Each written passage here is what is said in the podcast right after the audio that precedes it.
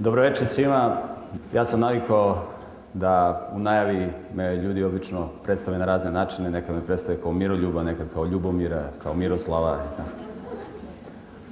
Jedno sam držao jedno predavanje u jednom hotelu.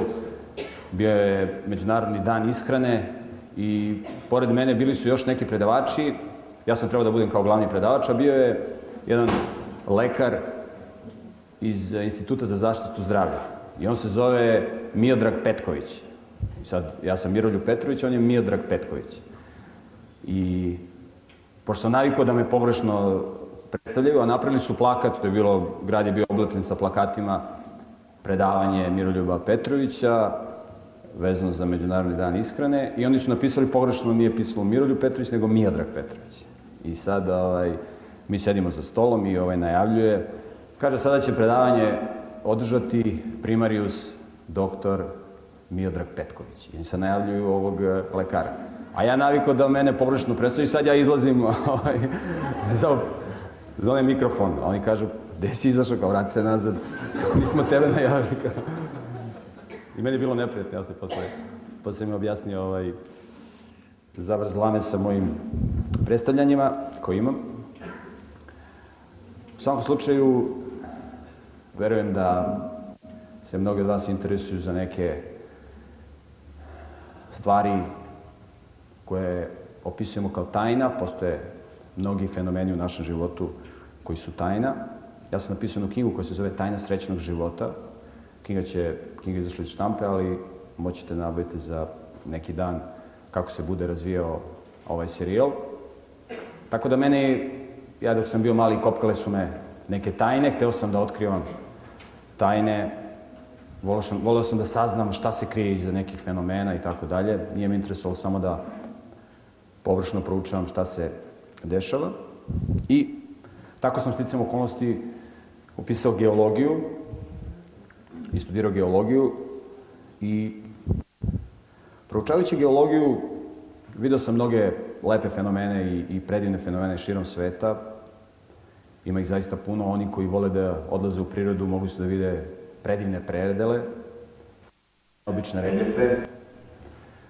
Na našim prostorima to nije toliko popularizovano i razvijeno, ali, na primjer, ako odete u Sjedine američke države, na primjer, pa obiđete nacionalne parkove, vidjet ćete fenomenalne geološke lokalitete i cela ta avantura da obiđete, na primjer, američke nacionalne parkove koji se nalaze u, uglavnom u zapadnom delu Sjedinjenih američkih država. To zaista nije skupa avantura, mnogo jeftinija nego letovanja po poznatim letovalištima na kojima evo već i ljudi a, odlaze. Dakle, priuštiti sebi takvo jedno a, takvu jednu avanturu i upoznati se sa geološkim fenomenima je zaista nešto što bih svakome preporučio. Ja sam tako proučavajući razne lokalitete saznao za neke geološke fenomene koji su misterije u geologiji. Znači, geolozi ne mogu da objasne određene strukture u prirodi, kažu to je misterija, oni pokušavaju da daju neka objašnjenja, ali oni, njihova zadnja rečenica je ne znamo.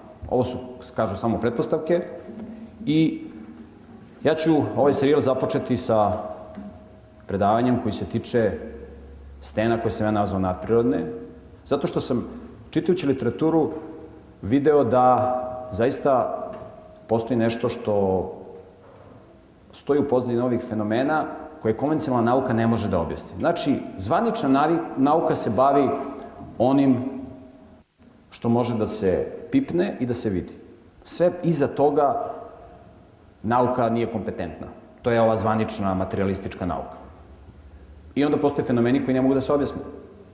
Samo ih precrtaju i kažu misterije. Znak pitanja. I postoji jedan lokalitet, ima ih puno, ali evo ja ću navesti jedan, koji je mene veoma zantrigirao, pošto sam obilazio nacionalne parkove u Sjednjim američkim državama. I ljudi su bili zaista oduševljeni, tako da ja sam se začudio koliko ljudi o tome malo znaju. Jer ljudi su toliko preokupirani trčanjem za novcem, nekim materialističkim preokupacijama, da ljudi jednostavno ne znaju šta se dešava par kilometara od njih, zaista. I ja sam bio iznenađen kad sam u Americi držao neka predavanja i kad sam im pričao, pričao o američkim nacionalnim parkovima, oni su bili začuđeni. Kako je moguće da, na primjer, kanjon Colorado je tako interesantna struktura, mi smo mislili da je to neka rupa i tamo ljudi dolaze da gledaju neku, neku reku koja protiče, međutim nije to nikakva rupa. To je jedna struktura koja ima vrlo važno značenje, koja ima vrlo važnu poruku. Ja sam o tome govorio na ovom mestu pre dve godine. Oni koji budu bili zainteresuju moći će posle predavanja da nabave disk sa tim predavanjima koje sam držao prošle put na ovom mestu. I onda su ljudi rekli, pa, jel, jel bi ti htio nas da povedeš da mi to vidimo, a da nam objasniš? I sad ja došao iz bivše Jugoslavije da vodim Amerikance na njihove nacionalne parkove. Znate. Ja rekao, dobro, kad, kad ne znate, ovaj, evo ja ću da vas povedem da vam pokažem ovaj, I onda su se oni oduševili, onda su pričali jedni drugima i onda je to mene zaintrigiralo. Jer ja sam znao za neke lokalitete, ali nisam znao za sve. I onda se pojavio jedan, jedan, jedan lokalitet u jednom nacionalnom parku koji ima ovako malo strašno ime. Taj nacionalni park se zove Dolina smrti, Dead Valley. To je nacionalni park u državi Kalifornija uz granicu sa Nevadom. A Nevada je specifična država, znači na zapadnoj obali Kalifornija, uz Kaliforniju je Nevada. I sad Kalifornija je žitnica Amerike. Kalifornija malte ne hrani celu Ameriku. A pored je Nevada i u Nevadi ljudi nemaju čime da se bave, pustinja.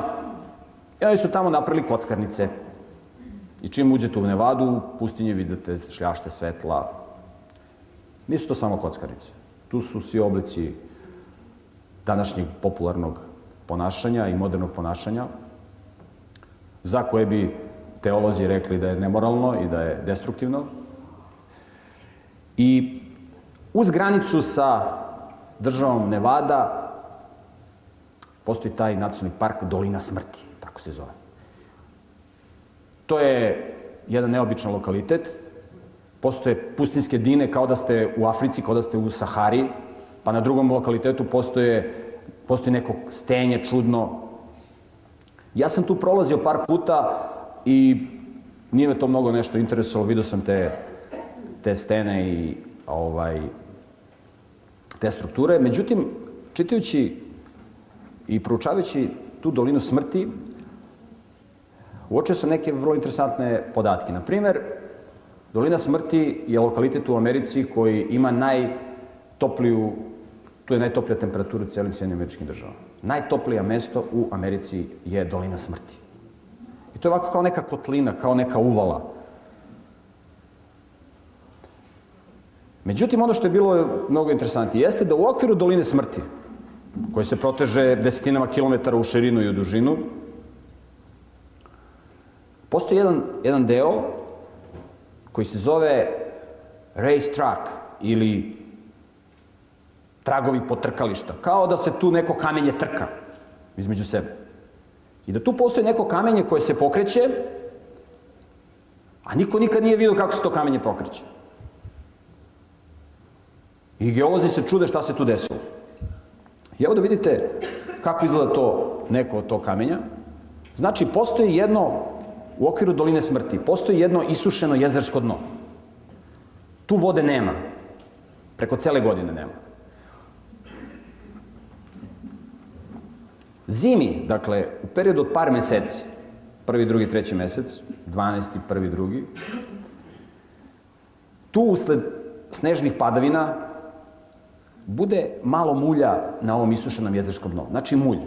I onda po tom mulju u toku zimskih perioda neki kamenovi se pokreću, klize i ostavljaju tragove sa juga prema severu. Vrlo interesantno da svo kamenje koje se nalazi na ovom isušenom jezerskom dnu se pokreće. Nema kamenova koji tu eto tako stoje.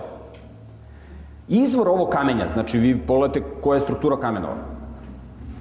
To kamenje se nalazi nekih hiljadu i po metara od ovog jezera.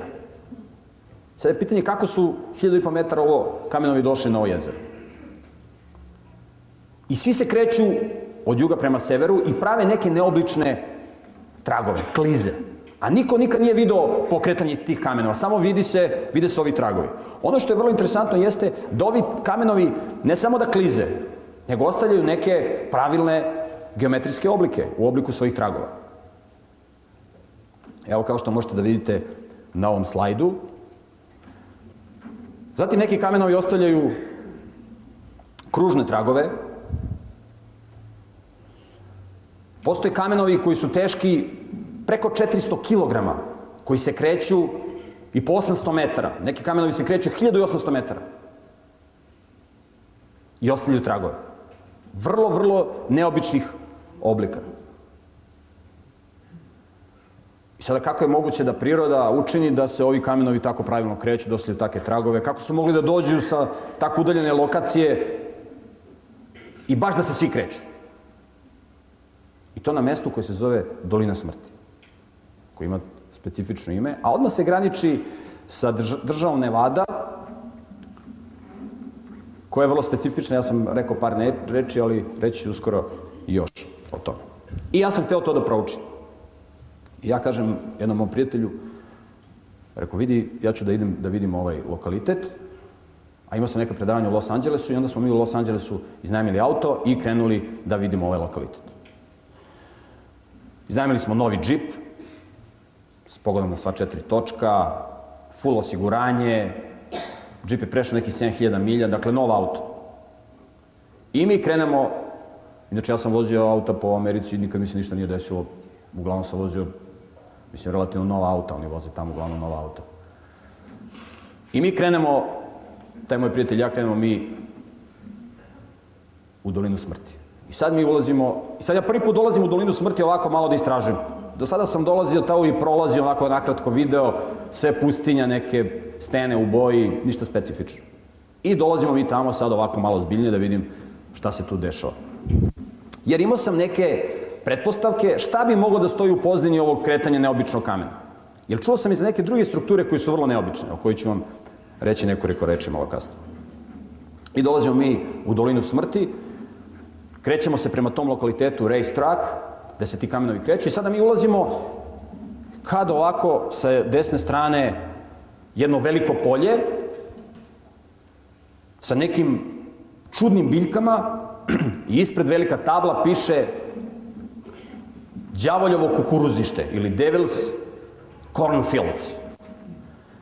Evo da vidite kako izgleda to takozvano đavoljovo kukuruzište ili đavoljova kukuruzna polja. Neke biljke nisam nikad video. Ali zašto tako ime? Zašto đavoljovo? Dolina smrti pa đavoljovo kukuruzište. Ja rekao, dobro, možda je slučajno. Inače, Kalifornija je vrlo specifična država. U Kaliforniji postoji preko 900 lokaliteta, geografskih lokaliteta, koji u svome imenu imaju naziv đavo. Naprimer, Devil's Cornfields, onda Devil's Post Pile, Diablo i tako dalje. Pošto je tu na granici sa Meksikom, tu ima dosta Meksikanaca koji su tu nekada živjeli i sami nazivi ovih gradova, Los Angeles, odnosno San Francisco, San Diego, imaju te, te španske nazive. Tako da u Kaliforniji postoji preko 900 lokaliteta koji u svom nazivu imaju ime đavo. Preko 900. Znači veliki broj. Ja sam imao priliku da obiđem neke. Ja rekao, dobro, možda je ovo slučajno Devil's đavoljevo kukuruzište. Kad mi prođe smo malo dalje, kad ono neko neobično stenje, neka neobična zemlja i velika tabla piše đavoljevo igralište za golf, Devil's Golf Course. Šta je rekao? Ovde izgleda đavoli žive, demoni, šta je rekao? A stvarno neke neobične strukture, isto nikad nisam vidio ovakvu, ovakav teren. I idemo mi prema dolini, prema tom lokalitetu. Karta koja vodi ka tom lokalitetu gde je to kamenje koje se kreće je vrlo štura u tom delu, još će Amerikanci su vrlo precizni. I mi sad tu treba da uđemo u taj deo i odjednom a, kvari nam se auto i mi ne možemo da dođemo na destinaciju. Sunce već zalazi, iako je bio letnji mesec, bio je jun mesec, dakle šesti mesec, i mi smo morali da se vratimo sa novim autom, mi se vraćamo, dakle, kući, nismo stigli da odemo to da vidimo, jer nam se novi auto pokvario. Naravno, ovi u, u rentakaru su bili ljubazni, onda su nam dali sutradan novi auto, još veći džip za iste pare, bolji auto, jači džip i tako dalje. I mi sutra ujutru krenemo ponovo, idemo da vidimo. Inače, od Los Angelesa do ovog lokaliteta imate da se vozite na 4 sata. Znači, nije baš prijetno da se dugo toliko vozite. I mi sutra krenemo, ulazimo u dolinu smrti, ali pazite, tu kad uđete, taj nacionalni park, to je Tu ne rade mobilni telefoni, znači nema dometa mobilnih telefona. To je pustinja, ima na svakih 20 km ima po neka mala prodavnica, kafanica, neki restoran, ali malo nešto, eto, da kupite vodu. Temperatura je izuzetno, izuzetno visoka. Prvi dan kad smo bili, ista je temperatura bila i drugi dan, mi smo imali u našem autu klima uređenje, ali auto je pokazivo kolika je spoljna temperatura. Auto je pokazivao da je spoljna temperatura 66 stepeni Celzijusa. I mi smo imali, imali smo potrebe da izađemo s vremena vremena iz auta, ovaj, da koristimo prirodne toalete. I znate kakav je to osjećaj kad izađete? To je osjećaj kao da ste u rerni. To je, to je takva toplota da je to neizdrživo. I sad pazite da vam se tu nešto desi, da vam se pokvari auto. Vi nemate koga da zovate, ne radi vam telefon, nema dometa. A rangeri To su ovi policajci koji obezbeđuju prirodu. Oni su na 15 milja, na, znači na 20, 30, 40 km najbliže. I to je veliki rizik da se tamo pođe, zaista. Međutim, mi smo krenuli drugi dan i mi ulazimo u dolinu smrti, ima jedan kanjon koji je interesantan od nekog vulkanskog stenja. Ja kažem ovom prijatelju, aj stanje ovde da pogledamo. Mi stanemo, vozimo veći džip, bolji, jači, i mi se vraćamo u auto i da ga upalimo, menjač ne radi, pokvario se. Šta je rekao ovo čoče? Ja rekao, znaš šta, ovde nisu nečista, ovo su neka nečista posla, rekao, daj mi da, da mi, ovaj, rekao, pusti ono kamenje, rekao, da idemo mi kući, rekao, da, nećemo se kući vratiti, čoveče, ovo kako je krenuo. On je bio uporan, ne, ne, kaže, sačekaj malo, iako sam ja bio zainteresovan da, da to vidim. I sad nemamo koga da zovemo, pustinja, mobilni telefoni ne radi, sad mi čekamo da neko prođe. I prolazi neki, prolazi neki auto, mi ga zaustavljamo. Ovi momci, kao ovaj jedan automehaničar, kao, sad ću ja to da pogledam, nikakav problem. I on pogleda na auto, kaže, ovo ne znam stvarno šta se desilo ovde, kaže, ovo je baš menjač. Kaže, zovite renta kar, da vam donesu drugi auto. Kako da zovemo iz pustinje, ne rade telefoni. Pa kaže, ajde, ja ću vas odvesti kolima, tu negde valjda ima neki, neki, neka kafana ili nešto, pa da zovete odatle. A kako, kad i tamo nema mi? Pa kao idemo da vidimo. I onda, i onda je ovaj moj prijatelj otišao. I došao je tamo i rekao, izvinite, pokvareno se auto, pa kaže, ne znam, nemamo telefon. Sad ovako bio, tamo je prijatelj ovako lep momak, radila neka devojka i onda ona kao, pa dobro, evo za tebe imamo mi satelitski telefon. Kaže, poziv je 25 dolara, minut 5 dolara. Ma kaže, daj samo da... I on zove renta kar, kaže, znate šta, mi smo tu u dolini smrti, pokvareno se drugi džip, ili možete da nam pošete? A ovi ljubazni, znate, amerikanci, kad su pare u pitanju da se ne obrukaju, Kaže, nema problema, sad ćemo mi vama da doteramo drugi auto, samo nam recite gde ste. I onda, ovaj, onda je on njima objasnio. I on se posle vratio sa jednim drugim autom i dolazi šleper za dva sata, donose oni nama neko Chryslera, isto pogon na sva četiri točka. Rekao, vidi, ovo ako se auto pokvari, rekao, ja više ne idem. Kaže, on važi ako... I mi krenemo. Znači, hoću da vam kažem, ceo ambijent je neverovatan. Dešavaju se stvari koje su, koji se normalno ne dešavaju. Bio sam na mnogim nacionalnim parkovima. Ali kad idem u dolinu smrti, Onda, đavoljovo kukuruzište, đavoljovo igralište za golf, kvari se novi auto, kvari se menjač, to je džip auto, to je terensko vozilo, prešao 10.000 milja i sad on se kvari. I mi dolazimo, asfaltni put vozi do nekih 45 km do tog lokaliteta i posle nema asfalta. Mobilni telefoni nam ne rade, mi se već isprepadali ono u sebi se molimo Bogu samo da živi stignemo i da se vratimo, kad smo već došli do ovde. A žao nam da se vratimo kući. I evo da vidite kako izgleda ulaz, silazak sa asfalta, evo da vidite kako izgleda taj lokalitet, dolina smrti, znači skretanje 27 milja za taj race track, tu da je to kamenje koje se kreće. Put je jako loš, evo ima tabla kao što vidite, kaže preporučuje se visok trap auta i preporučuje se pogon na sva četiri točka. Mi smo tu vozili, znači ovim putem možete da vozite najviše nekih 15, maksimalno 20 km na sat. Imali smo jednu rezervnu gumu, a ovaj momak što je vozio mog prijatelja još nas je dodatno, što se kaže, isprepadao, jer je rekao kad je on išao sa svojim prijateljem, dve su im gume se pocepale na, ovom, na tom putu do tamo i nazad. Znači, 45 km treba da dođemo do tamo i nazad. Znači, 95 km treba da prođemo, mislim, to nije neka distanca, 90 km. Ali, kad nam se sve ovo desilo, bili smo ovako vrlo uplašeni i sećam se mi kad smo se vozili do tamo, sve vreme nismo razgovarali između sebe, samo smo se gledali onako i u sebi smo se molili Bogu da živi, stignemo, i, a zaista nas je vuklo da to vidimo. I sada mi dolazimo, uspeli smo da dođemo na taj lokalitet, a sad ćete vidjeti neke fotografije koje sam snimio. Sunce već zalazilo, hteli smo da izbegnemo da nas uhvati mrak, ali uspeli smo da napravimo neke fotografije, neke fotografije koje inače ne bismo nigde mogli da vidimo. Iako je to bilo, kažem, na brzinu, mi smo na tom lokalitetu proveli dva sata, a taj lokalitet treba da se prouča bar jedno 10 sati da biste mogli da vidite sve ono što vas tu interesuje.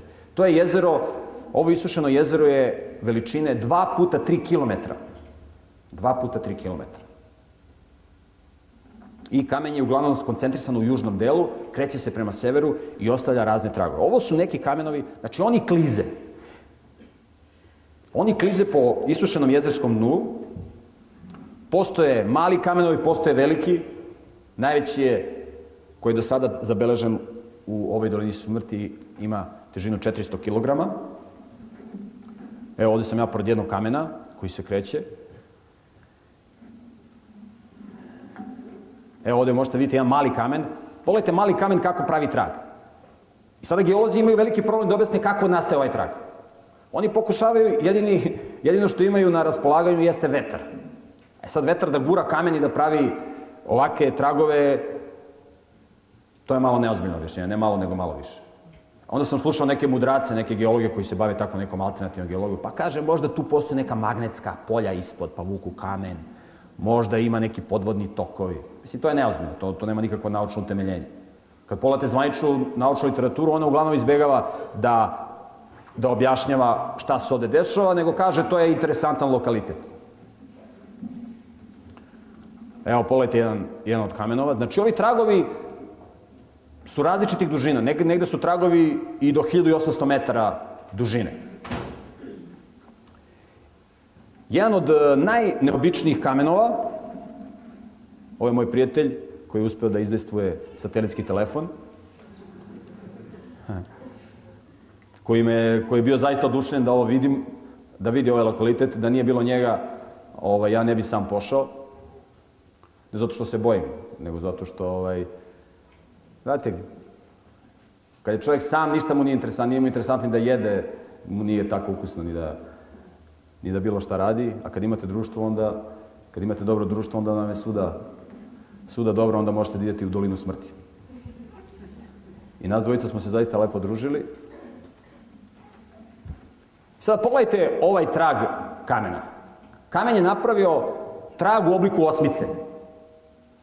Sad, ajde pokušajte ovo da objasni, da objasnite ili da zamislite kako je mogao trag da napravi ovakav jedan, kako je kamen mogao da napravi jedan ovakav trag. Neki od ovih kamenova nestanu, nema ih.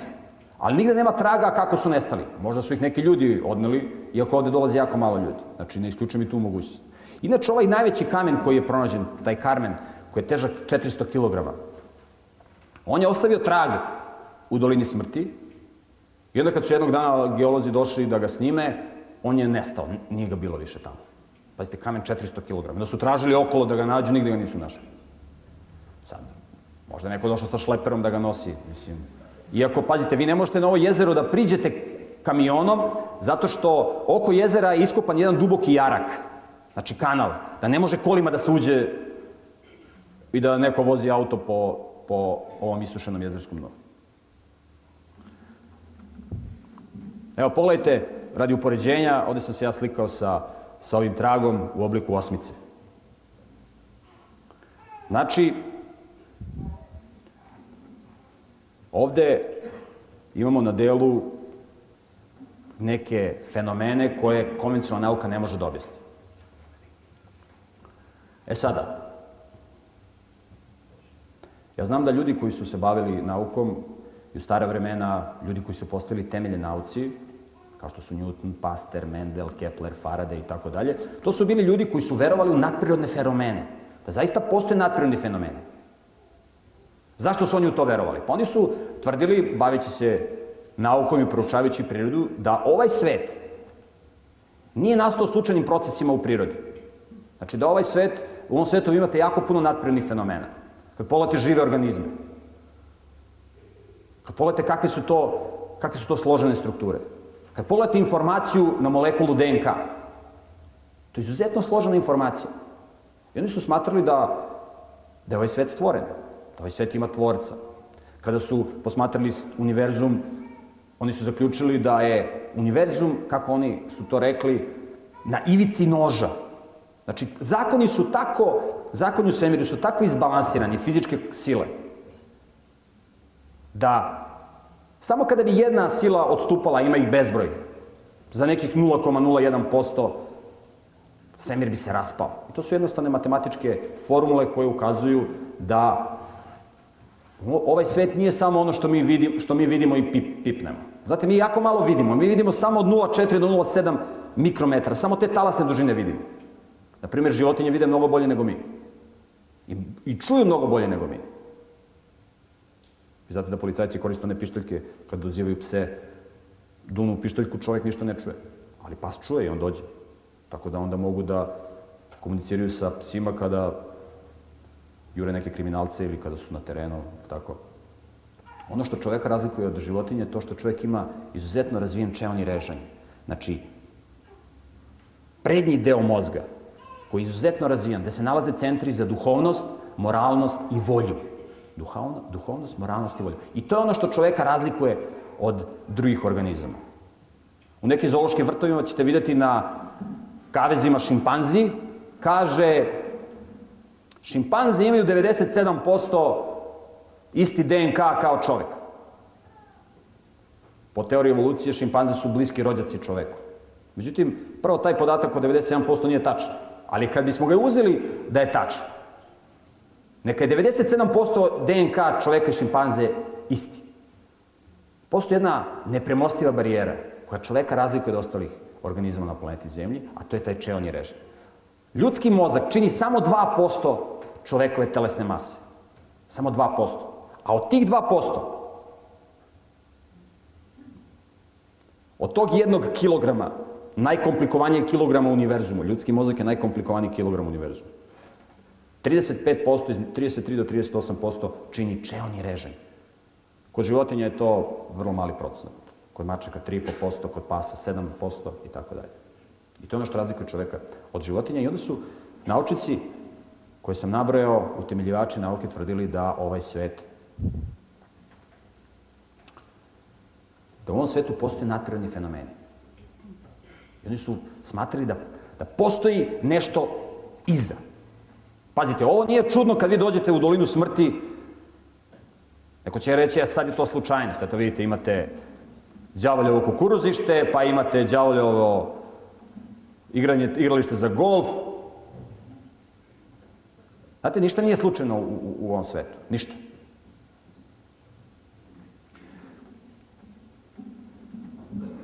Ovakvi neobični lokaliteti, stenski, imate ih širom sveta.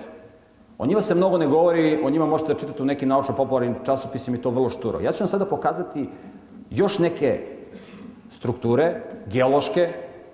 Ja nisam bio na ovim lokalitetima, to su lokaliteti u Južnoj Americi uglavnom. Da vidite kakve su to strukture, pa da o tome, kada pogledate ovaj video, da o tome razmišljamo, da vidimo a, o čemu bi tu, o čemu se tu radi. Dakle, ovo su snimci iz aviona, u pitanju su veliki crteži, veliki crteži, znači geološke strukture na zemlji koji formiraju crteže. To su kilometarski dugi crteži koje možete da vidite jedino posmatrujući od ozgo, znači iz aviona. Evo sad ćete vidjeti ovo je na karti, su prikazani ti, evo pogledajte kako izgledaju ti crteži a, skicirani iz aviona. I evo pogledajte, to su ogromne, ogromni crteži ptica, koji su dugački po nekoliko stotina metara i po nekoliko kilometara su dugački ovi crteži na zemlji. I sada se postavlja pitanje, geolozi se čude, to oni stavljaju u domen misterije, kako su nastali ovaki ovi crteži. Da li ih je čovek crtao? Kako bi čovek mogao nacrtati ovako, ovakve crteže? Koja je svrha crtanja ovakvih crteža? Ovim se naročito bavio Arthur Clarke, ali on je u domenu ovako naučne fantastike, pa ga mnogi ne uzimaju za ozbiljno. Međutim, ovo su neki od fenomena koji postoje. Ovo je na jednom drugom lokalitetu u Južnoj Americi, uglavnom je Peru i druge države. Pogledajte ove crteže, koje možete da uočite jedino iz, iz aviona. Sad, zašto bi neko na zemlji, neki čovjek crtao ovakve crteže? Ako čovjek nije crtao ove crteže, ko ih je crtao?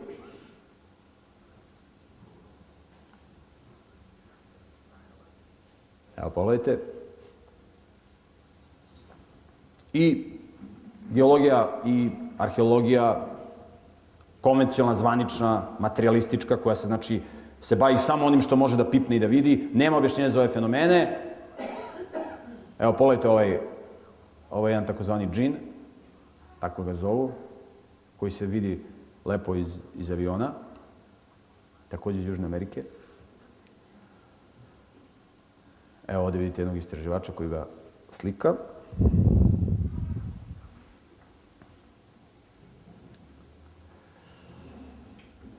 Dakle, šta je u pozadini ovih geoloških struktura?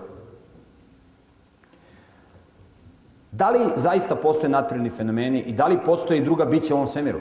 To je jedno pitanje o kome možemo da razmišljamo. To što se u školama ne uče, ne uče ovakve stvari, ne znači da mi o tome ne treba da razmišljamo. Razne naučne organizacije ulažu veliki novac u proučavanje vanzemaljskih civilizacija. Čak ljudi šalju neke svemirske letelice u, u svemir, dakle da sa slikama sa zemlje pokušavaju da uspostave kontakt sa vanzemaljskim civilizacijama, jer oni smatraju da mora da postoje stanovnici u svemiru neki drugi stanovnici, da mi nismo jedina bića u svemiru. Bez obzira koliko to tvrdi konvencionalna nauka. Zvanična nauka kaže mi smo eto slučajno nastali u ovoj tački univerzuma, inače toga nema u svemiru. Ovo je slučajno što se desilo, eto, sticam okolnosti tokom dugog vreme, tokom dugih vremenskih perioda, tokom miliona godina. Međutim, pogledajmo neke, neka upoređenja da bismo imali bolji uvid u ovu problematiku. Pogledajte kako izgleda planeta Zemlja kada se uporedi sa nekim planetama sunčevog sistema.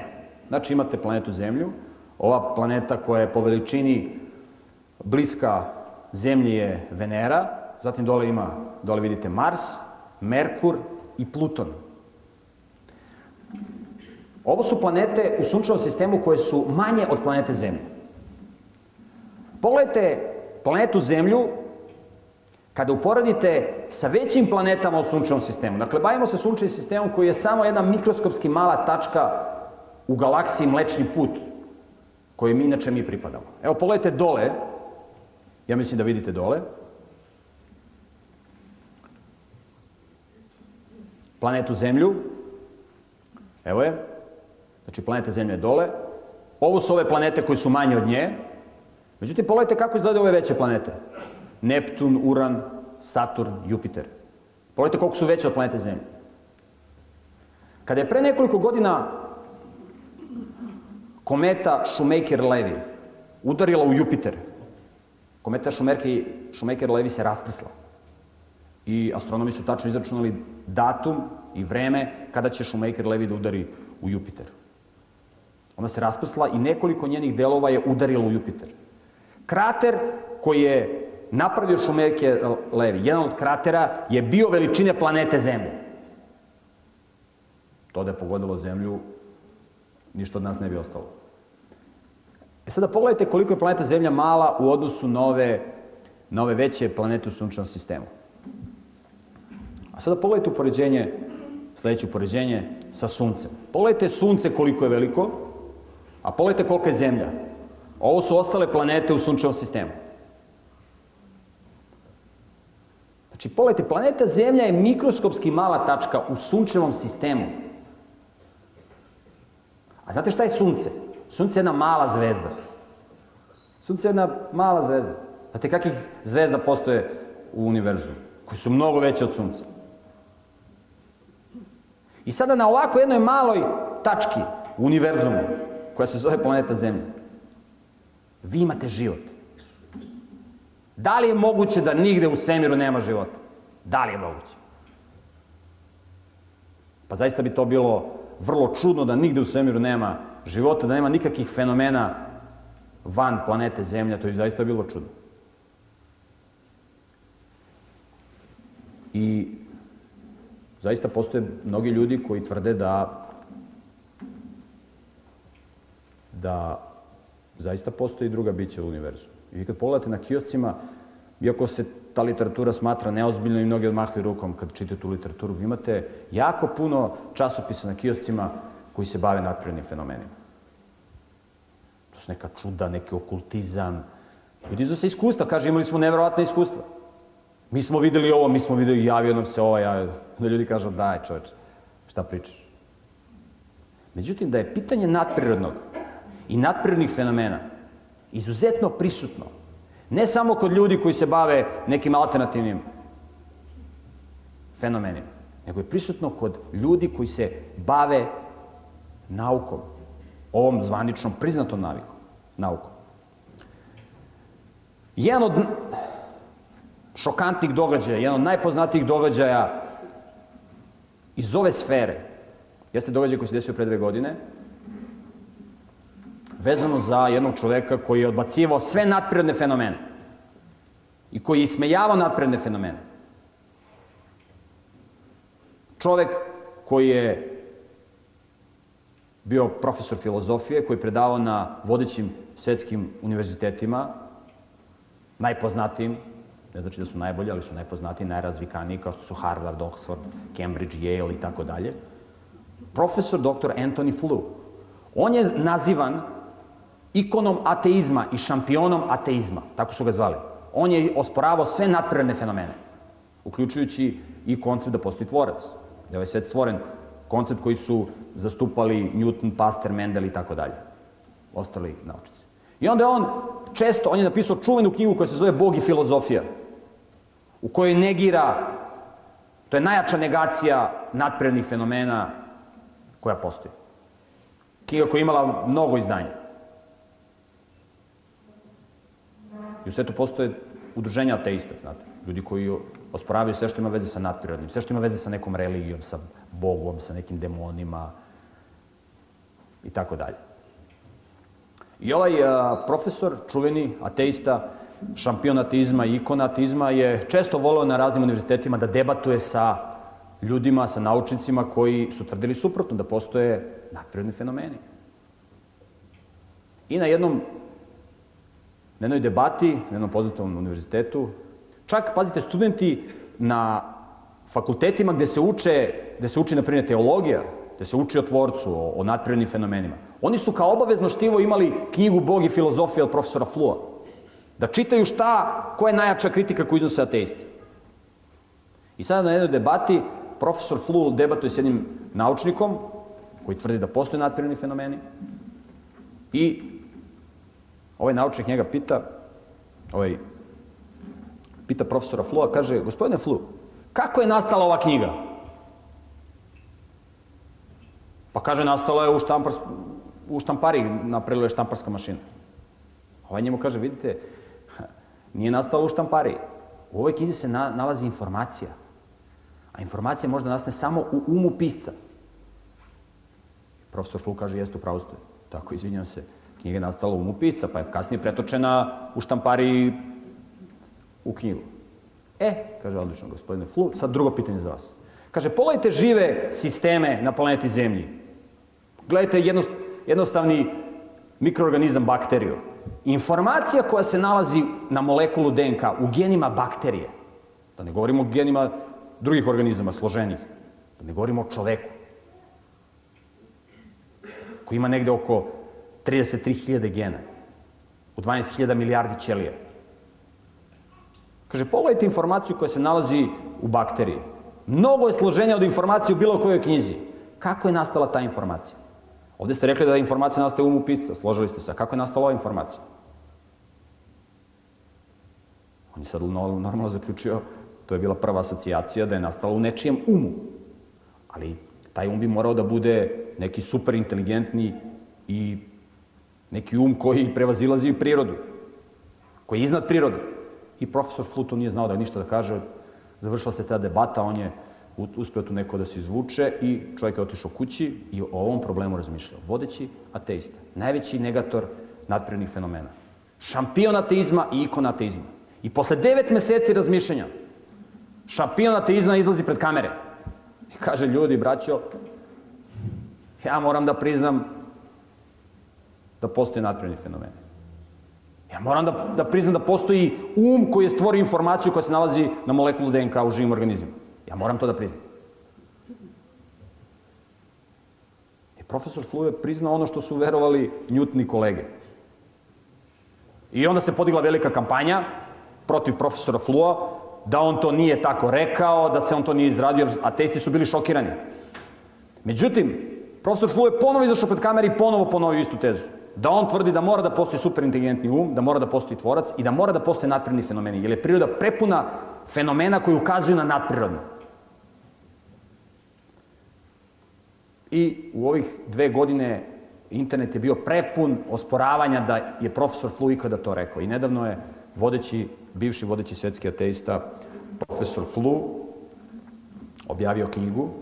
Inače, njegova, njegova filozofija, životna filozofija kojom je on učio studente, glasi, evo kao što možete vidite na ovom slajdu, i to bi trebalo da bude ono što bi trebalo da vodi svakog ozbiljnog čoveka. Profesor Flu je imao je 81 godinu kada je došao do ovog zaključa. On je kazao, kaže, ceo moj život sam bio vođen principom, i to sam, kaže, učio svoje studente, da treba slediti činjenice gde god vas one odvele. Znači, mi treba da, da vidimo kakve su činjenice i da sledimo činjenice gde god nas one odvede. Gde god nas one odvedu, mi treba da sledimo činjenice. I zato treba da analiziramo, da razmišljamo svojom glavom, da ne razmišljaju drugi za nas. A da mi samo puku izvršavamo ono što drugi misle, da je dobro za nas. Nego dajte malo da razmišljamo svojom glavom. I posle dve godine žestoke kampanje da profesor Flu nije to rekao, nedavno je objavljena u, Engleskoj, u Americi je objavljena knjiga gde je profesor Flu napisao svoje iskustvo, znači vodeći svetski ateista, da zaista postoje nadprirodni fenomeni, da postoji tvorac, da postoji sve ono o čemu se govori u konceptu nadprirodnog. Da nadprirodni fenomeni zaista postoje. Mnogi ljudi danas kažu da su bili svedoci nadprirodnih fenomena. Ne videli su pticu, insekt, neki cvet, koji su zaista nadprirodni fenomeni. To čovjek ne može da stvori u laboratoriju. Informaciju na molekulu DNK čovjek ne može da sanja da stvori. To je toliko složena informacija na nivou bakterije, a da ne govorimo o informaciji koja se nalazi u našim genima. I postoje mnogi ljudi koji, su, koji govore da su imali kontakt sa nadprirodnim. Čak da su komunicirali sa bićima koja nisu s ove planete.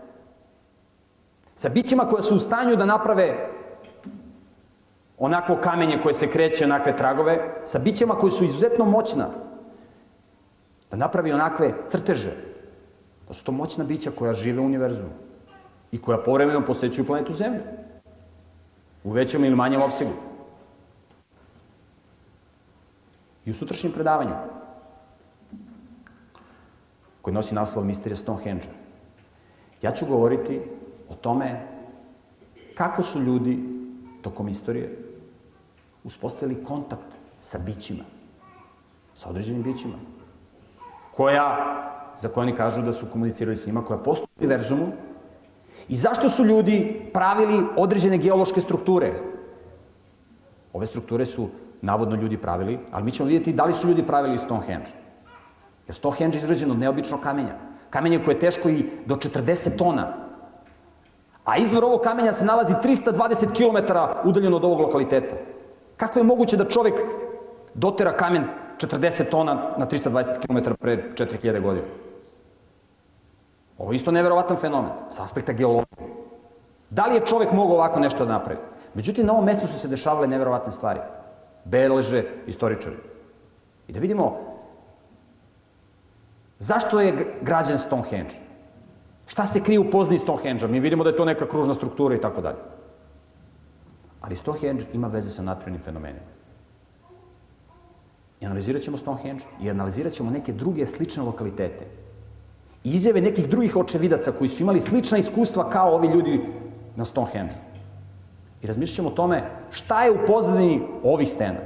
Mi vidimo da geologija ukazuje da postoje neki fenomeni koje ne možemo da objasnimo sistemom pipni i vidi. I to je nešto vrlo važno da mi znamo. Jer mi živimo u ovome svetu. I treba da znamo u kakvom svetu živimo, da ne živimo u nekoj virtualnoj realnosti, u nekoj lažnom, nekom lažnom svetu. Ja sam bio svedok neverovatnih događaja. Ja sam bio svedok. Ovaj moj prijatelj je, mislim, snažan, zdrav, religiozan, veruje u Boga, da će da Bog čuva svog, da Bog čuva ljude koji sebe čuvaju, naravno.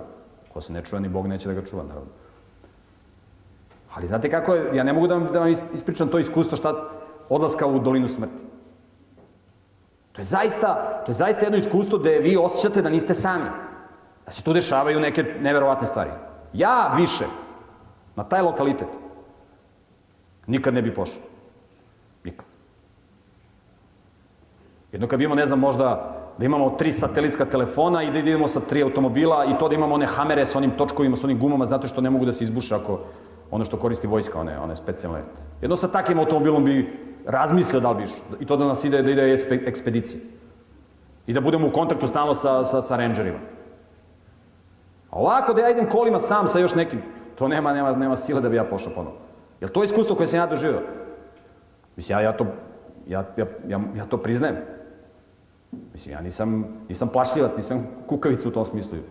Čak bi bilo sramota me da to kažem, pošto sam poreklom iz Crne Gore, mi se tamo hvalimo da smo hrabri i veliki junaci i tako dalje. Znate kako?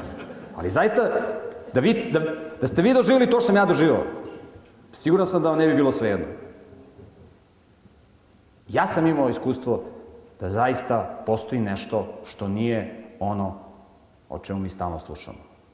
I u sutrašnjem predavanju ja ću govoriti o misteri Stonehenge-a, šta se tu dešavalo, kakve su činjenice, a ja vas pozivam da vi, kao profesor Flu, sledite činjenice u onom smeru u kome činjenice vode. Jer to je jedni put da dođemo do istine. Jer znate šta je nauka?